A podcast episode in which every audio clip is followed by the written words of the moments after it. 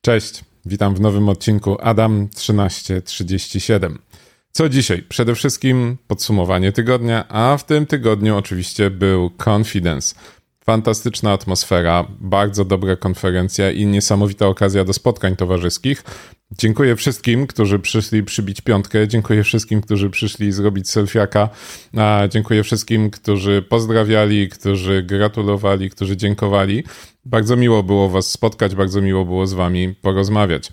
A miło było też zobaczyć kilka ciekawych wykładów. Ale wracamy do rzeczy, bo to podsumowanie całego tygodnia, nie tylko poniedziałku i wtorku, więc przypominam tylko, że linki do omawianych materiałów znajdziecie oczywiście pod podcastem albo pod y, filmem na YouTubie.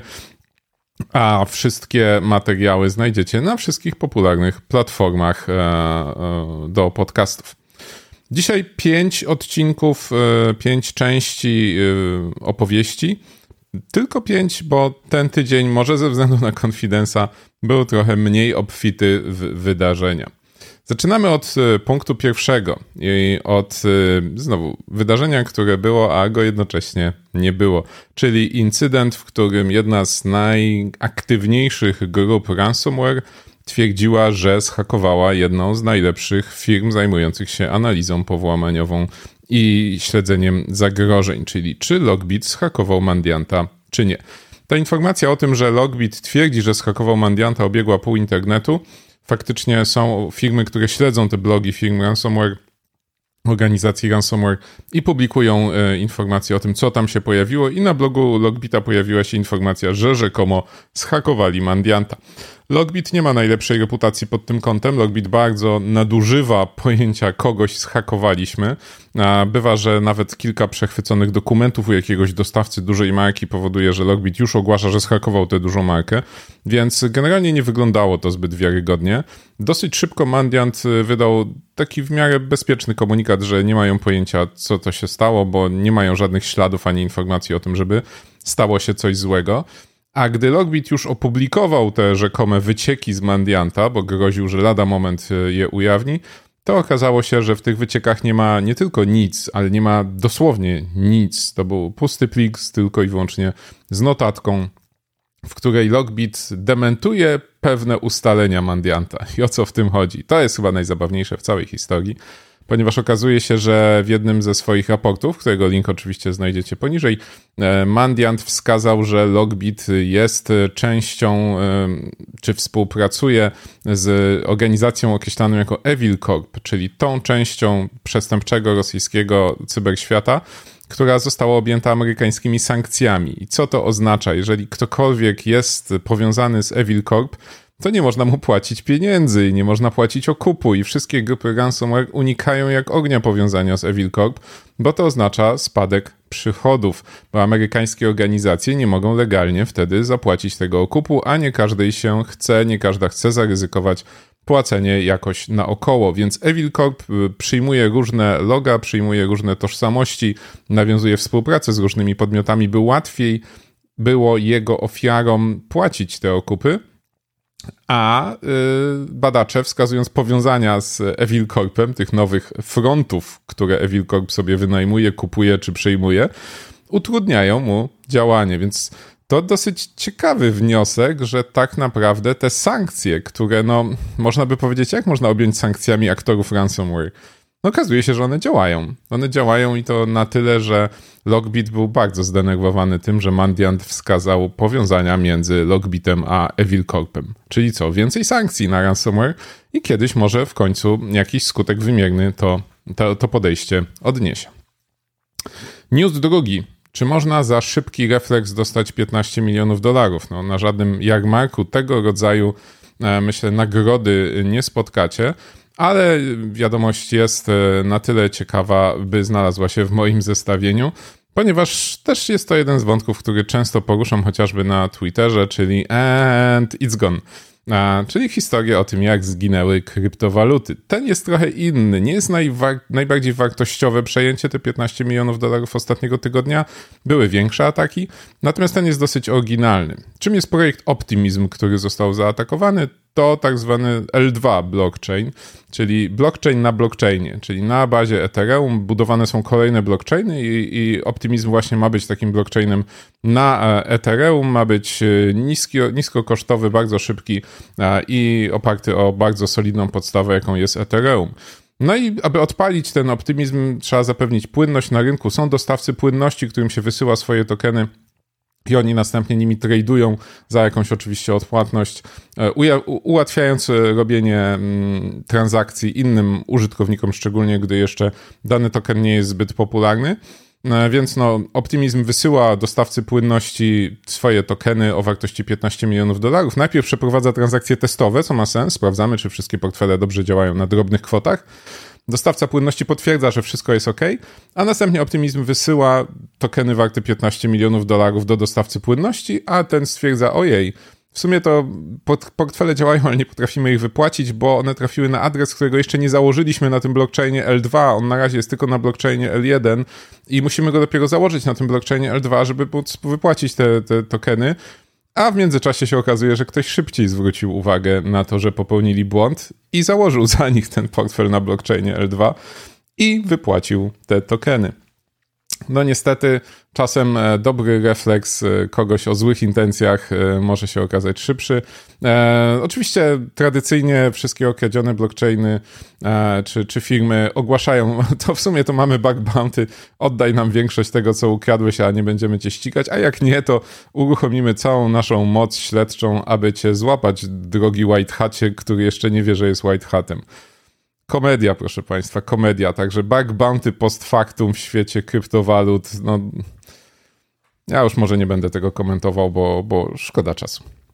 Bardzo ciekawa informacja dla posiadaczy iPhone'ów. Mianowicie w iOSie 16 będzie dodatkowa funkcja zapewniająca jeszcze więcej bezpieczeństwa. Do tej pory, aby otrzymać aktualizację bezpieczeństwa mm, w nowym, e, w aktualizowanym iOSie, trzeba było aktualizować system całego telefonu co nie zawsze ma sens, y, patrząc na rozmiar aktualizacji bezpieczeństwa, rozmiar aktualizacji funkcjonalnych. Przecież wiadomo, że te patche tak naprawdę to jest kilka bajtów, czasem nawet tylko nadpisanych nową wartością w, w danym pliku. Nie trzeba całego systemu wymieniać, żeby zaktualizować jakiś błąd bezpieczeństwa. No i w końcu mm, Apple poszło też y, tą drogą i obiecało, że w iOS 16 będzie opcja mm, niewidzialnej dla użytkownika w pełni automatycznej instalacji aktualizacji bezpieczeństwa. Więc teraz już nie będziemy musieli raz na 2, 3, 5 tygodni klikać tak i restartować telefonu, tylko te aktualizacje bezpieczeństwa będą, z tego co rozumiem, wgrywane w locie automatycznie do naszych telefonów. Niektórzy się obawiają, bo wiadomo, na przykład na Windowsie te aktualizacje e, różne skutki mają, ale wydaje mi się, że w świecie iOS-a będzie prościej. standardowe platformy, e, standardowe środowiska, e, więc łatwiej jest przetestować. Na pewno w historii iOS ma mniej takich wpadek, że jakaś aktualizacja coś poważnie popsuła niż w przypadku Windowsa. Nawet na pewno, bo to jakby te historie są raczej po tej Windowsowej stronie niż po tej iOSowej.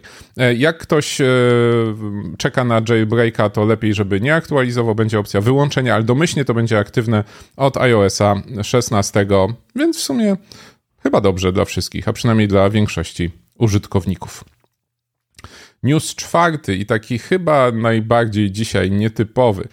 Okazuje się, że w Finlandii był złodziej, mm, nawet nadal jest, tylko już jest w rękach organów ścigania, który kradł czy też wyłudzał różne przedmioty, rzeczy, usługi na podstawie fałszywych, e, sfałszowanych e, potwierdzeń płatności.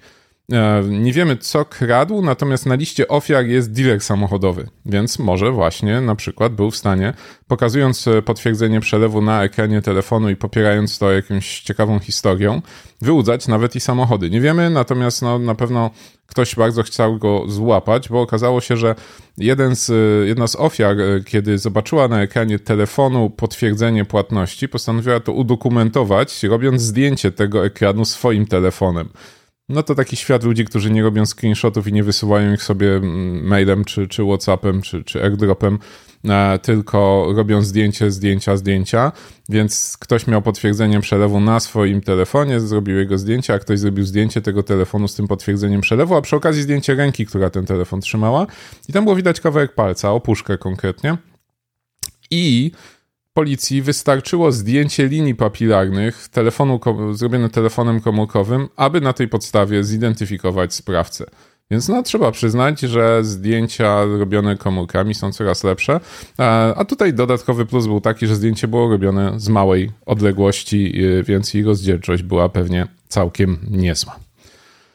No dobrze, i ostatni news w tym zestawieniu. Nie wiem, czy nie jeden z najciekawszych, bo nie wiem, czy wiecie, ale już y, w najbliższym tygodniu w Pradze odbywa się impreza, która nazywa się ISS World Europe. I co to takiego jest? To jest zlot miłośników Pegasusa, bym powiedział, a tak naprawdę to impreza dla organów ścigania, e, na której wystawiają się wszyscy dostawcy rozwiązań umożliwiających podsłuchiwanie czegokolwiek, gdziekolwiek i jakkolwiek.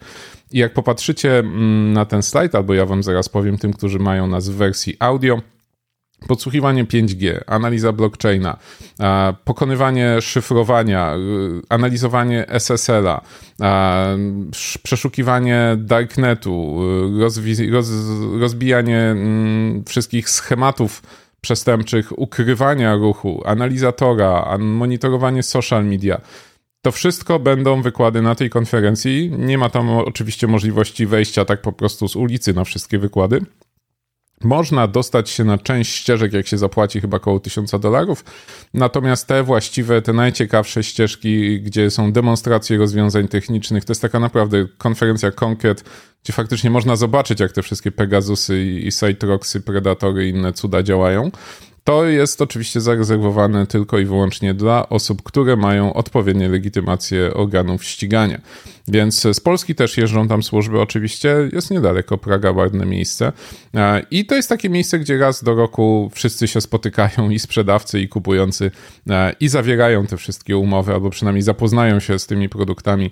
Szkolenia są, z tego co słyszałem od osób, które były w środku, bardzo ciekawe, bardzo te demonstracje są interesujące. O wielu z tych technologii, które tam zostaną w tym tygodniu pokazane, my nie wiemy jeszcze, ale może wkrótce się dowiemy.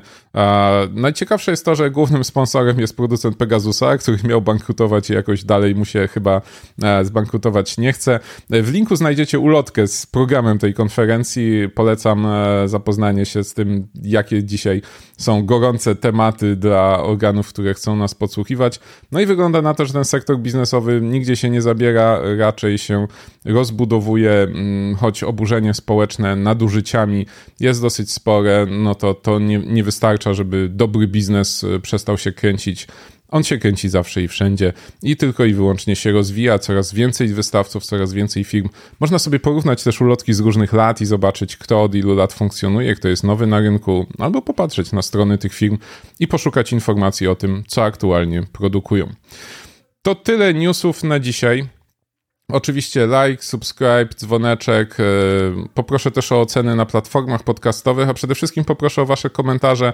Możecie pisać na adammałpa zaufana trzecia strona.pl z informacją o tym, co się wam podoba, co się wam nie podoba. Możecie podsyłać tematy, które myślicie, że warto, żeby się pojawiły. E, dziękuję jeszcze raz wszystkim, którzy się spotkali ze mną na Confidence. E, już dzisiaj o 21 w rozmowie kontrolowanej Łukasz Cepok i malware na Androida. A za tydzień widzimy się ponownie w Adam 1337. Dziękuję bardzo i spokojnego tygodnia wszystkim. Do usłyszenia.